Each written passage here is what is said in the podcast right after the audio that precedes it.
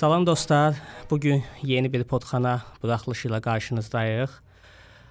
Bu gün üçün bir maraqlı bir mövzu seçdik və maraqlı bir qonağımız da var. Xüsusilə Azərbaycanda çox da yayılmamış bir sahədir və ə, belə deyərdim ki, çox adamın da eşitmədiyi bir sahədir və ə, idman hüququ barəsində danışacağıq. Xüsusilə də bunun futbol məsələsindəki rolu. Ə, qonağımız Fərid Haqverdiyevdir, idman hüquqşünasıdır. Ümumiyyətlə özü hüquqşünasdır. Fəridlə biz birlikdə də çalışmışıq bir çox illər.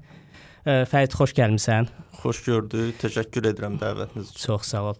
Fərid, ə, ilk öncə ümumiyyətlə başlayaq. Ə, biz bir, birlikdə konsaltinq şirkətində çalışmışıq hüquq sahəsi üzrə. Yəni mən bildiyim qədərilə sənin öz sahən tam olaraq bu deyildi. Yəni necə oldu ki, ümumi hüquq sferasından və yaxud da belə deyək də, beynəlxalq hüquq deyək və yaxud da e, vergi hüququndan hətta keçdin idman hüquq sferasına. Ə, sənin də vurğuladığın kimi mən ə, sənin bir yerdə daha çox kommersiya sahəsində çalışmışıq. Ondan başlayım ki, mən uşaqlıqda hamının bir arzusu olur. Mənim əvvəldən elə hüquqşünas olmaq arzum var idi. Ə, bu ilə bağlı 2006-cı ildə Bakı Dövlət Universitetinə qəbul oldum. Orada ə, e, 4 il bakalavr bitirdim. Daha sonra 2010-cu ildə hərbi xidmətə getdim. Hərbi xidmətdən sonra isə sözsüz ki, magistratura məsələsi dururdu qarşımda. Mən düşündüm ki, ə, e, elə bir sahəni seçməliyəm ki, həm Azərbaycanda gərəkli olsun, həm də belə deyim ki, bu tətbiq edə bilim. Yəni həmişə bir e, qohumumuzun bir sözü var idi, deyir gedib e, nüvə fizikasını oxumağın bir mənası yoxdur. Əgər Azərbaycanda tətbiq edə bilməyəcəksənsə. Ə, o zaman üçün aktual olan daha çox 2011-2012-ci illərdə bu neft ə, bumu yaşanırdı və bizdə daha çox kommersiya sahəsində hüquqşünasları tələbat yaranmışdı. Mən də qərara gəldim ki, bu sahə üzrə ixtisas alım, magistraturamı bu pillə üzrə davam etdirim. Və belə seçimlərin arasında ə, e, beynəlxalq kommersiya hüquq ixtisasını seçdim və İngiltərədə təhsil almağa yollandım. 1 il ə, e, İngiltərədə Kent Universitetində beynəlxalq kommersiya ixtisası üzrə təhsil aldım. Daha sonra isə qayıtdım və böyük dördlük şirkətlərində səninlə çalışdım 5 il müddətinə. Amma mənim üçün həmişə daim maraqlı olan futbolla çox maraqlanırdım, həddindən artıq. Mən ə, hətta düşünürdüm ki, məsələn, o klublar transfer edəndə məsələn eşidirdik xəbərlərdən ki, nəm David Beckham ən ödənişli oyunçuya çevrildi, onun transfer haqqı artdı, ə, filan qədər pul verildi. Mən həmişə maraqlı gəlirdi ki, bu pulu kim alır? Klub alır, oyunçu alır, yoxsa ümumiyyətlə heç bunların heç birinə çatmır bu pul, FIFA alır. Yəni bütün bununla həmişə maraqlanırdım və mütəmadi oxuyurdum bu haqqda. Mən pərdə arxası maraqlı gəlirdi. Elə oldu ki, mən o zaman dediyim kimi kommersiya hüququnu seçmişdim. Artıq işləyə-işləyə məndə maraq yarandı və ə, və araşdırdım ki, artıq belə bir ixtisas var və orada təhsil almaq mümkündür və hətta məni belə deyim bu prosesi lap cəlbedici eləyən o Qarabağın Interlə oyunundan sonrakı bir hadisəsi olmuşdu. Qarabağın bir sayılmayan qolu var idi. Aa, hə, çox gündəmdə olan bir məsələ idi. Bəli, orada mən ə, şərhlər verirdilər ki, oyun təkrar keçirilməlidir, ya hakim cəzalandırılmalıdır. Mən də bu məsələni araşdırdım və baxdım ki, əslində hakimi cəzalandıra bilərlər, amma yəni oyunun yenidən keçirilmə ehtimalı sıfıra bərabərdir. Qanunlarda yoxdur, ya necə? Bəli, qanunlarda yox idi. Hı -hı. Yəni baxmayaraq bizdə səslənirdi ki, oyun təkrar keçirilsin, ya Qarabağa avtomatik qələbə verilsin. Baxdım ki, yəni belə bir şey yoxdur. Elə bunları öyrənə-öyrənə baxdım ki, Azərbaycanda bu sahə üzrə məşğul olan mütəxəssis də yoxdur. Çünki e, xatırlamıramsa o zaman telekanalların birində Türkiyəli vəkildən bu ilə bağlı müsahibə almışdılar ki, bəs belə olanda necə olmalıdır, proses necə baş verməlidir? Qərara gəldim ki, artıq bu sahədə ciddi təhsil almalıyam və e, belə deyim, ixtisaslaşmalıyam. Onun üçün də universitetlərə baxdım, seçim elədim. E, müxtəlif seçimlərim var idi. Ə, dünyanın qabaqcıl universitetlərində bu ixtisas tədris olunur. Qərara gəldim ki, belə deyim, məşhur futbolçuların vəkillərinə baxdım, klublara baxdım, onların bitirdiyi universitetlərə baxdım və gördüm ki, İspaniyada İZDE adlı bir universitet var. Çox məşhur universitetdir. Sırf belə deyim, idman hüququ, idman menecment sahəsində ixtisaslaşan bir universitetdir və ə, oranı seçdim. Çox xoş oldu təcrübə mənim üçün. Çünki dərslər həm əyani formada keçirilirdi, həm təcrübəyə yönəldilirdi bütün məni maraqlandıran suallara professorlar çox belə deyim savadlı idilər. Əksəriyyəti də elə dediyim məşhur klubların, universitetlərin professorlarıdır, həm vəkillik eləyirlər onlar. Məsələn, mənim müəllimlərimdən müxtəlif futbolçuların müəllimləri olub, klublar təmsil edən müəllimlərdir. Hı -hı. İndi də əlaqə saxlayıram. Yəni çox xoş bir təcrübə oldu və qərara gəldim ki, artıq Azərbaycana gəlim və bu sahədə ə, belə deyim də öz bilik və bacarıqlarımı nümayiş elətdirim. Hı -hı. Bəs idman hüquqşünasını adi hüquqşünasdan fərqləndirən amillər nədir? Yəni e, nə qədər fərq olur? Məsələn, indi deyirsən sən oxumursan, yəqin ki, oxumadan bu sahəyə keçə bilməzdin böyük ehtimalla. Burada çox fərqliliklər var. Bu fərqliliklər əsas nələr, nələrdir? Ə, qeyd edim ki, bir ixtisaslaşma kimi idman hüquqşünası çox fərqli bir şeydir. Hətta mən belə bir şey deyərdim ki, idman hüququ özü bir neçə sahəyə bölünür. Düzdür, Azərbaycanda balaca bazar olduğu üçün bu bölgü bizdə görünmür və mümkün deyil belə bir bölgünü aparmaq. Amma məsələn, idman hüquqşünasları özləri də bir neçə kateqoriyaya bölünür. Bunlar hansılardır? Məsələn, sırf dopinq işləri üzrə olan vəkillər var, vergi hüququ üzrə ixtisaslaşan vəkil. Yəni bu adamların işi ancaq sırf məsələn futbolçu deyək ki, hansısa bir klubdan digər klubuna keçid eləyir. Burada yaranacaq vergi məsələləri həm futbolçu üçün, həm klub üçün sırf bu sahə üzrə ixtisaslaşan vəkillər var. Onlar da idman hüquqşünaslarıdır. Sadəcə idman hüquqşünasının içində dar bir sahəni seçiblər. Yəni burada da bölgü var. Hı -hı. E, mübahisələrə baxan ayrıdır, vergiyə baxan ayrı olur, transfer işlərinə baxan ayrı olur. E, mən daha çox özümü futbol hüququ sahəsinə aid eləyərdim. O mənə maraqlı gəlir. E, belə deyim də daha çox o sahədə fəaliyyət göstərirəm. Digər hüquqşünaslardan fərqinə gəldikdə isə e, əksər ölkələrdə düzdür, qanunvericilik sistemi fərqlidir, hüquq sistemi fərqlidir. Buna baxmayaraq vahid bir ə, qanun olur, yaxud hansısa deyək ki, konstitusiya olur, oradan irəli gəlir qanunvericilik. Amma idman hüququnda belə deyil. Götürək məsələn FIFA-nı. FIFA-da məsələn ə, qaydalar toplusu var və ə, sonda yekun mübahisələrə baxan instansiya idman arbitraj məhkəməsi var və o da daha çox prezident hüququ əsasında fəaliyyət göstərir. Bu nə? Yəni əvvəl çıxarılmış qərarlara uyğun qərar verir. Hı. Lakin elə кейslər ola bilər ki, burada hakimin şəxsi mülahizəsi də çox önəm daşıyır. Yəni ə, e, əgər idman hüquqşünası deyilsənsə bu incəlikləri bilməyəcəksən. Məsələn, Hı. artıq müəyyən təcrübə topladıqdan sonra, müəyyən кейslərdə iştirak etdikdən sonra səndə bir təcrübə yaranır ki, bəli, burada hakim hansı qərarı verə bilər? Ümumiyyətlə sən öncədən araşdırmalısan ki, hakim hansı istiqamətdə fəaliyyət göstərir, onun düşüncəsi nədir? Çünki qərarı əsaslandırarkən əgər bu ilə bağlı hər hansı bir yazılı bir şey yoxdursa, hakim öz şəxsi qənaətini orada bölüşür və bu da belə deyim də idman hüquqşünasının bilməli olduğu nöqtələrdəndir. Yəni adi belə deyim hüquqşünas əgər o sahədə deyilsə, o sahə ilə maraqlanmayıbsa, bunu tuta bilməyəcək. Hı -hı. Aydındır.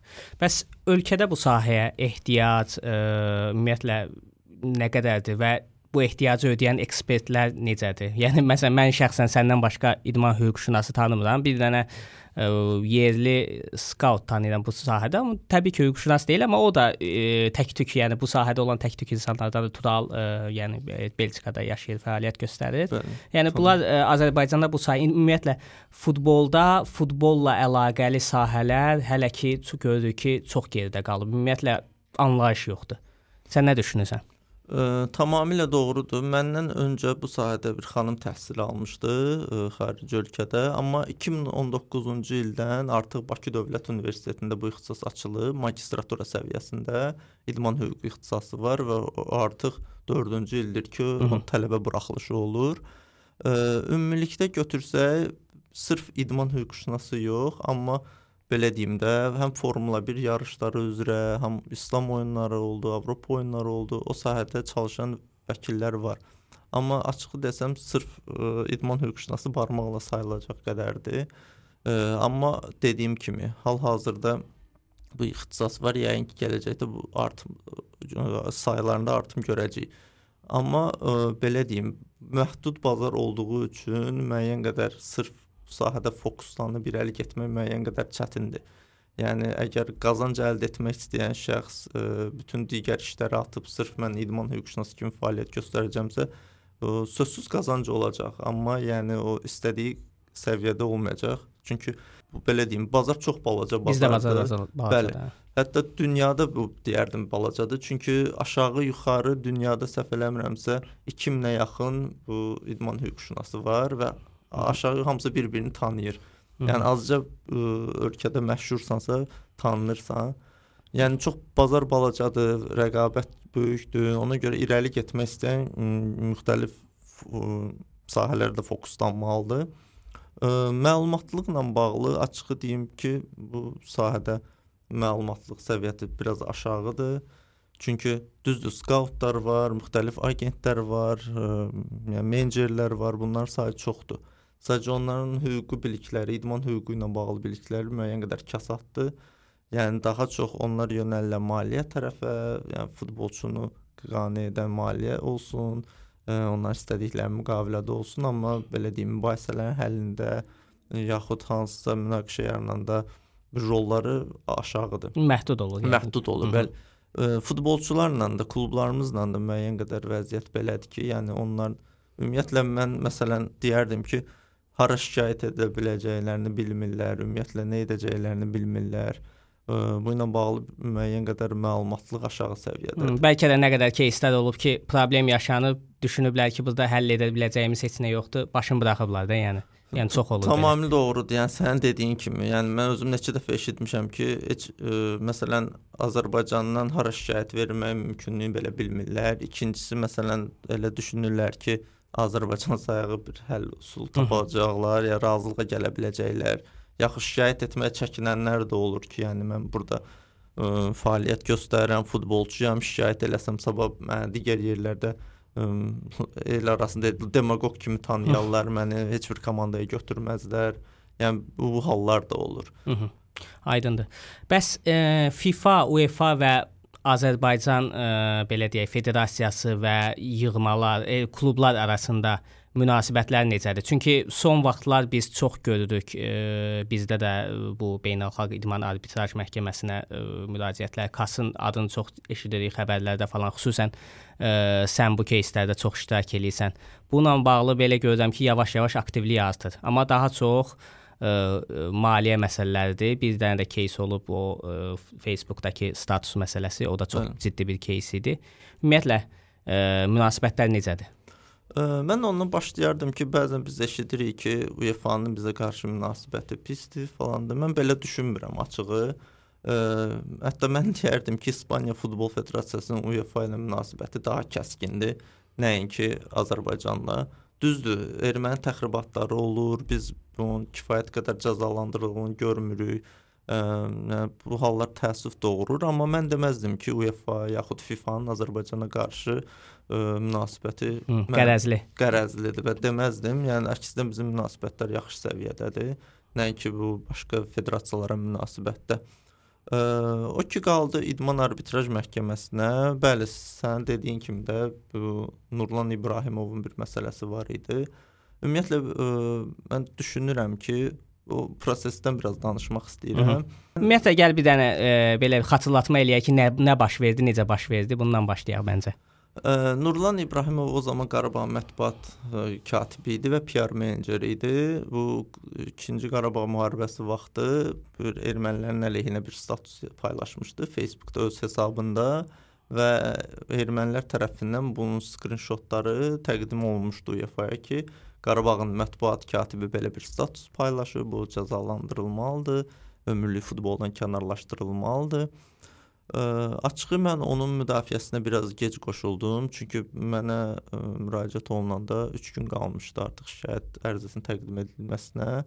Ə, vaxtımız çox məhdud idi və belə deyim, əgər mən düşünürəm ki, əvvəlcədən qoşulsaydım müəyyən işlər fərqli görərdim.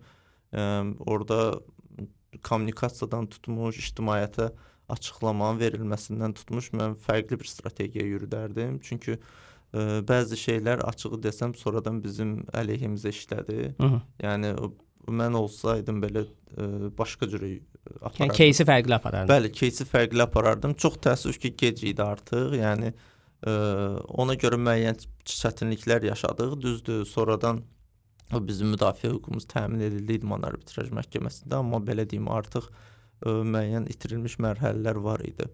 Ə, yekunda isə ə, mən düzdür düşünürdüm ki, onun cəzasını azaldarlar. Bu həddindən artıq çox sərt cəza idi. Yəni ömürlük bir statusa görə ömürlük ə, qadağan verilməsi, bu belə bir presedent yox idi açıqcası. Adətən bu ya təcavüzkar şəxslərə qarşı olur, hansı ki, qısnamaya məruz qoyublar müəyyən şəxslər, federasiya işçiləri olub, məşqçilər olub, yaxud külli miqdarda rüşvətə görə olub.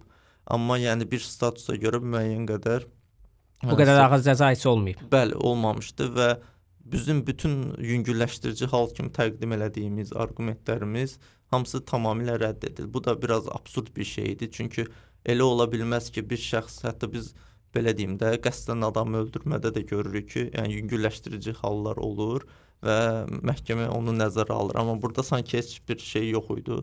E, müharibə backgroundunu nəzərə almadılar ki, döyüşlər gedən vaxt yazılmış idi, emosional statusu idi. E, yəni müəyyən hallar var idi ki, heç bir nəzərə alınmadı e, və belə bir ağır cəza verildi. Hı -hı. Bəs ə, ən çox mən belə görürəm ki, bizdə özümüzdə də daxildə də məhkəməyə gedilən кейslər maliyyə məsələləri ilə bağlıdır. Futbolçunun məsələn ə, transferi həyata keçirilir, sonra ya futbolçu şikayət edir, ya klub şikayət edir ki, transferlə filan məsələyə görə gerçəkləşmədi, pulumu qaytar və yaxud da orada hardasa məsələn anlaşılmazlıq olur və burada da çox görürük ki, tərəflərdən ya biri e, müəyyən qədər digər tərəfdən ya bu məsələlərdə savadlı olur və yaxud bu şeyi savadlı olmağı sui-istifadə eləyib biraz da haqsızlığa məruz qoyur. Elə bil ki, e, hüquqşünasın e, belə imkanlarından maksimum istifadə eləyən eləyə bilən tərəf e, digər tərəfdə o e, hüquqi savadlığı az olan tərəfdən daha e, işi, yəni e, qalib kimi e, bu işdən çıxa bilər. Ə, Azərbaycanda necə кейslər olur? Yəni Azərbaycan daxili. Məsələn, son ə, mən mətbuatda oxuduğum məsələlərdən biri Qarabağın futbolçusunun deyəsən transferi ilə bağlı idi. Orada da ümumiyyətlə nələr baş verən çox? Ə, mən özüm Afan Oyunçular Assosiasiyası transfer komitəsinin üzvüyəm. Bu mübahisələrə baxan bir komitədir. Ümumiyyətlə açıq desəm bununla da bəzi futbolçuların məlumatı yoxdur ki, belə bir orqan var, ora şikayət vermək mümkündür mübahisələrin həllinə baxan orqandır. Sanki düşünürlər ki, yəni adında AFFA var deyə AFFA-nın birbaşa orqanıdır. Əslində müstəqil bir orqandır. Sadəcə AFFA-nın nəzdində fəaliyyət göstərir. E, qurumun icraiyyə komitəsi tərəfindən seçilir üzvləri. Yəni üzvlər hər biri müstəqildir əslində. Yəni onlara heç bir müdaxilə edilə bilməz fəaliyyətlərinə görə. Bizə daxil olan mübahisələr sən dediyin kimi əksəriyyəti daha çox maliyyə mübahisəsi ilə bağlıdır. Yəni burada da ə, müəyyən qədər klubdan əmək haqqının ödənişi verilməməsi ilə bağlıdır, ya daha çox müqavilənin erkən xitamı ilə bağlıdır. Yəni futbolda müqavilənin erkən xitamı ilə bağlı müəyyən çətinliklər mövcuddur. Belə deyim, istənilən vaxt istənilən klub müqaviləyə xitam verə bilməz bəlli şərtlər çərçivəsində. Yəni daha çox mübahisələr bu ilə bağlıdır. O xitamlardakı кейslər əvvəlcədən müəyyənləşirmi? Məsələn, kompensasiya falan, yoxsa necə olur? Bəlkə də müəyyənləşmir, açıq qalır, qeyri-müəyyən qalır deyə bu hallar baş verir. Ə, bəli, açıq qalan hallar olur. Məsələn, ödəniş gecikdirilir, yaxud ödəniş ümumiyyətlə ödənilmir. Futbolçu da deyirlər ki, yəni artıq səninlə müqaviləyə xitam vermişik, ə, istədiyin kluba gedə bilərsən, sən heç bir ödəniş olunmayacaq. Yəni oyunçu da məcbur qalır komitəyə şikayət eləyir. Əslində Hı. mən hətta deyərdim ki, ə, bizdən sonrakı qurum apellyasiya komitəsidir. O bizim qərarlar əgər tərəfi qane etməsə, o apellyasiya komitəsinə şikayət verər, verə bilər və apellyasiya komitəsinin qərarı da onu qane etməsə, o artıq ə, İsveçrədə yerləşən idman arbitraj məhkəməsinə şikayət verə bilər. Yəni Hı KAS dediyimiz məhkəməyə şikayət çoxları bundan da xəbəri yoxdur və belə bilirlər ki, sanki AFFA-nın çıxardığı qərar, o komitələrin çıxardığı qərar yekundur və ondan heç yerə şikayət etmək. Başın buraxırlar da ondan. həm başın buraxırlar, sən dediyim kimi, həm də açığı desəm maliyyə problemi də var. Çünki elə işlər ola bilər ki, məsələn, alacağı kompensasiya məbləği 2000 manatdır Amma ə, idman arbitraj məhkəməsində ondan rüsum, çoxdur. Hə, rüsumun elə 2000 manatdır. Hı, Düzdür, indi ə, qaydalar dəyişib artıq. E ehtiyacı olana hüquqi yardım ə, verilir. KAS tərəfindən hətta hüquqşünas ayrılır, vəkil o tamamilə pulsuz köməklik eləyir. Sadəcə belə deyim, o mərhələyə çıxaran hüquqşünasın da haqqı ödənilməlidir. Hı -hı.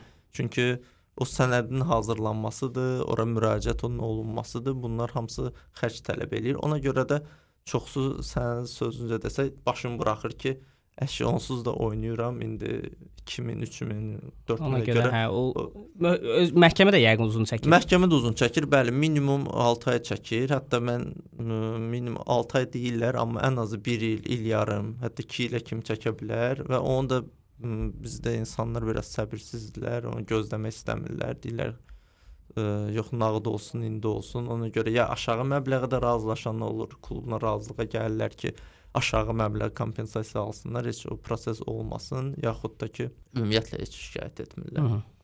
Bəs e, bizim ölkə daxilində klublarla və yaxud da futbolçularla bağlı ən qəribə кейs və yaxud keyslər yadıma gələn hansı hadisələr olub və necə həll olunub? Ə, açığı qəribə keyslər çox olub. Ə, şikayət verilib, sonra Geri qaytarılıb. geri qaytarılıb ki, bəli, yəni artıq razılaşdı. Öz aramızda şeylər. Həll elədi. Yəni elə hallar çox olur. Ə, bizə mənim biraz da şəxsən qəribə gəlir ki, yəni ə, əgər razılığa gələcəkdisə necə oldu? Çox təəssüf ki, yəni səbəb bildirilmir bizə və onu tam hüququndan istifadə eləyirlər ki, ə, geri götür. Yəni öz aralarında sövdələşirlər də belə başa Bəli, bəli, öz aralarında razılığa gəlirlər ki, yəni artıq şikayəti geri götürün, nə yolla razılaşırlar, necə razılaşırlar çıxa bilmirəm. Hı -hı. Ə, beynəlxalq səviyyədə qəribə кейslər çox olub. Ə, Mən məsələn ə, birini demək istəyirəm. Bu məşhur bir keys idi. 2018-ci ildə Perunun heyətində futbolçu kapitanı Guerrero idi səhv eləmirəmsə.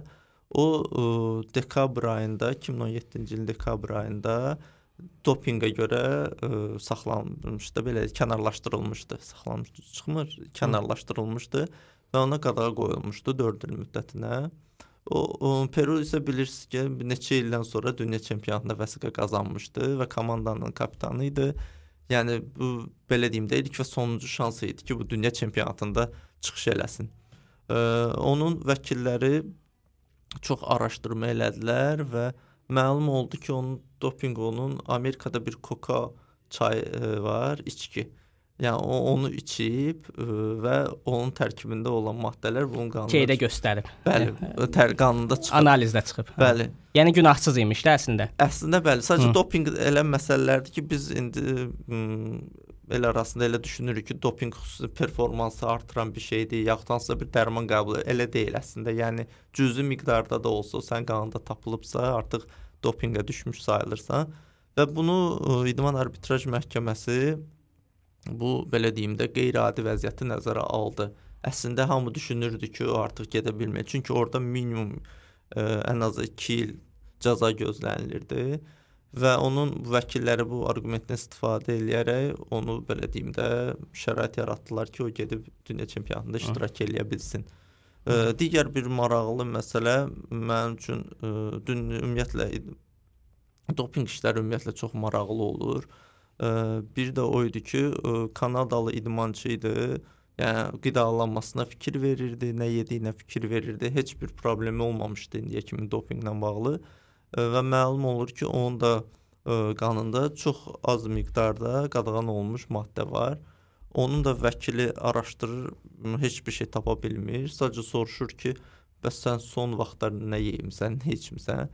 Məlum olur ki, bu sadəcə bir meşəlik bir ərazidə bu hər səhər ə, qaçışla məşğul olur və gəlir bir, bir bəlli bir nöqtəyə çatanda meşədə bir bulaq olur, onun suyunu doldururuz butulkasına, sonra içib yola davam eləyirmiş və məlum olur ki, bunun ə, bu doldurduğu suyun tərkibində xüsusi hissəciklər var. Ə, yəni belə qəribə кейslər çox olur. Ə, hətta bir maraqlı birini də danışa bilərəm ki, ə, idmançının biri ə, öz ə, girlfriendini öpərkən onun kokain iynəmişdi girlfriend. onun qanında kokain Yəni belə şeylər də tapılmışdı. olur. Hə, Hə. çox maraqlı. Yəni çox təcrübə gülməli idi ki, yəni bu Yox, mənə bizə maraqlı gələn nədir? Okay, bir dəfə tapdılar, adamı günahkar çıxardılar. Bəlkə bir 10 gün, 15 gün sonra yenidən ondan ə, belə deyək də yoxlama keçirilmir ki, yoxsa necə Orda ə, əslində dopinq proseduru belədir. Orda A sample deyirlər və B sample deyirlər. Yəni iki nümunə olur. Hı -hı. Əslində istəsən ikisini də verirlər. Sadəcə A-da çıxıbsa artıq B-də çıxmama ehtimalı çox nadir hallarda Hə. olur. Aydın. Yəni ona görə ə, istəsən yəni ödənişlə də o B samplı yoxlatdıra bilərsən. Hı -hı. Biraz fərqli mövzuda, ə, yəni şəxsən mənim özümə də maraqlıdır, bəlkə də ə, izləyicilər və dinləyicilər də maraqlı olar. Biz ə, e, adətən futbolda bu fair play, sonra bu şey qaydalarından danışırıq, transfer qaydaları, hansı ki limitləri var. Və bu 90-lardan sonra mənim gördüyüm ondan ibarətdir ki, ə, e, bu qaydalar əslində nəzərdə tutulmuşdu ki, məsələn büdcəsi az klublar ə, e, daha çox bu şeylərdən faydalana bilsinlər. Yəni bu ədalətsizliyin bir natarazlığın qarşısı alınsın, amma mənim gördüyüm oldu ki, e, pulu az olan klublar daha çox sanksiyaya məruz qaldılar və biz böyük klublarda dalbadal çox bahalı transfer edən klublarda bu e, sanksiyaları görmədik. Bunun səbəbi nədir? Yəni ümumiyyətlə bu sistem necə işləyir? Ə, sən də vurğuladığın kimi ümumiyyətlə yəni belə bir artıq ə, fikir formalaşıb ki, City, PSG, elə belə Juventusun özü həmişə cəzalardan ya qaçır, amma olan kiçik klublar olur. Burada əslində çox önəmli bir şeylər var ki, yəni bu klubların sahibləri, prezidentləri ə, hamısının yüksək dairələrlə əlaqələri var. Onlar hətta müəyyən qədər sponsorluq da eləyirlər. Yəni bunların belə deyim, ciddi cəzalandırılması gündəmdə deyil. Onda qaydalar işləmir də belə görünür, hə? E, işləsə də belə deyim də, çalışırlar ki, onu minimallaşdırsınlar. Tutaq ki, məsələn, 2 illik cəza olan yerdə onun pul cəriməsini əvəz eləyirlər. Hı. Yəni o da o klublar Yenə də maliyyə ilə həll olunur. Bəli, hətta mən deyə ən gülməlisi bu Superliqanın yaradılması ilə bağlı oldu. Çünki birdən-birə bir neçə klub elan elədi. UEFA təbii ki, bunu gözləmirdi və onlara qarşı intizam işi açdı və ən sonuncu Juventusa qarşı o birisi hamısı bir-bir tərk elədiklərini bəyan etdilər ki, biz proyektdən çıxırıq, bu layihədən çıxırıq. Bir dənə Juventus qalmışdı o yaradıcılardan. E, ona qarşı da intizam işi. O da dərhal elan eləyən ki, kimi mən çıxıram artıq bu layihədən. Ona qarşı UEFA açdığı intizam işini ləğv elədi, yəni tamamilə. Hı. Yəni Hı. əslində belə deyim də, hər ikisinin əlində bir bıçaq idi ki, alət idi ki, baxın, əgər Çempionlar Liqasını tərk eləsəz, çıxsaz, sizə qarşı bir cərimə tətbiq eləyəcəyik. Amma çox təəssüflər olsun ki, bəli, bu ikili hallar bu kiçik klublara qarşı hələ düzdür. Yəni ə, əməldə və sözdə görürük ki, ə, deyirlər ki, o kiçik klubların gəliri artırılmalıdır. Yəni onlar ə, burada ə, böyük klubların bir şantajı da rol oynayır məncə. Çünki nəyə görə bu Superliqa ilə yaradılanda məqsəd o idi ki, biz aşağı komandalarla oynayırıq, onlar heç kim Onu baxmır. Tamam aradan çıxarsınlar kiçik klublar. Bəli, məsələn deyir ki, gedirik, oynayırıq 5-0, 6-0 uduruq. Buna nə azarkeş marağı var, nə bizim marağımız var. Ona görə biz istəyirik ancaq top klublarının olduğu bir şey olsun. Bunu sanki ona görə bəhanə kimi istifadə elədilər ki, yox, biz ə, istəmərək kiçik klublar da geridə qalsın. Onlar da böyük klublarla oynamaq istəyir. O ölkələrin azarkeşləri də böyük komandalar görmək istəyir. Yəni burada bir bəhanə oldu ki, kiçik klublara görə biz bu dəyişikliyi eləyə bilmərik. Ona görə amma məlum oldu ki, format dəyişikliyi olacaq. Onsuz da 2024-2025-ci il sezonundan Çempionlar Liqasının formatı dəyişəcək. O da elə bir növ ə, Superliqa ə, formatına uyğun gələn bir formatdır. Yəni komanda artırılmasını nəzərdə tutsan, yoxsa ə, şey belə deyə aşağı komandaların daha çox gəlmə şansının azaldılmasını deyirsən? Məncə əslində adı odur ki, komanda sayı çoxdur, amma yəni o da əmsal əsasında müəyyən olunacaq. Orada da əslində elə yuxarı komandalardır və mən düşünmürəm ki, burada kiçik komandaların rolu olacaq. Çünki o yenə də top komandalar bir-birlərinə liqa kimi yarışacaqlar və orada hansısa düzdür gəlir artacaq, o cümlədən ora iştirak edən komandalar üçün də gəlirləri artacaq, amma ümumilikdə yəni Əksinə top komandalar bir-birinə daha çox oynayacaqlar. Hı -hı. Ə, əslində bu məsələdə ə, iki dənə sual vermək istəyirəm. Biri tamamilə bundan ə, əlaqəlidir ki, bayaq danışdığımız kimi 90-lardan bu tərəfə artıq ə, həm Çempionlar Liqası olsun, həm ümumiyyətlə fut, ə, belə deyək də ə, sənayeləşmiş futbol olsun, ə, sürprizlərə ə, yer vermir. Artıq elədir ki, komandanın biri çox güclüdür və o çox güclü klubun ə, məğlub olması şansı çox azdır. Məsələn biz 90-larda nə görürdük? Görürdük ki, məsələn, deyək ki, ə, Şərqi Avropadan hansısa klub gəlib çempion olurdu, Qalatasaray gəlib Avropa ə, kubokunu götürürdü. Yəni belə şeylər, imkanlar var idi və get-gedə bu imkanlar məhdudlaşır. O uçurum artır, baxmayaraq ki, deyirlər fair play qaydaları var, belədir, elədir. Digər tərəfdən ərəblərin futbola çox böyük investisiya eləmələri və üstəgəl də ərəb klublarının artıq son zamanlarda belə deyək, inkişaf elətdirib burdakı ulduzları, Avropadakı ulduzları ora aparmaqları da futbolun bir növ balansını pozur. Səncə ümumiyyətlə bu istiqamət hara gedir? Bu hardasa partlayacaqmı? Ə, razıyam sən. Mən bir paralel şey demək istəyərdim ki, məsələn, bu agent vasitəçilər var, hamının bildiyi, tanıdığı menecerlər, yəni məşhur ə, Jorge Mendes hamı tanıyır, Ronaldo'nun ə, keçmiş agenti idi. Bunlar ə, 95-ci ildən belə deyim də bazarda başladılar aktiv fəaliyyət göstərməyə. Bundan pik həddə çatdı 2005-ci ildə. Hı -hı. Yəni həddindən artıq çox pul qazandılar, belə deyim, gəlirləri artdı, söz sahibi olmağa başladılar. Yəni oyunçuları istədikləri yerə yönəldirdilər. FIFA qərar verdi ki, 2005-ci ildən 2010-cu ili bir tənzimləmə həyata keçirilsin, bir qaydalar olsun. Yəni bunlar imtahan verməli idilər, lisensiya haqqı ödəməli idilər. Düzdür, biraz formal bir şey idi. Çünki imtahandan hamısı keçirdi və 500 evro, dollar onlar üçün ildə çox gülünc məbləğ idi.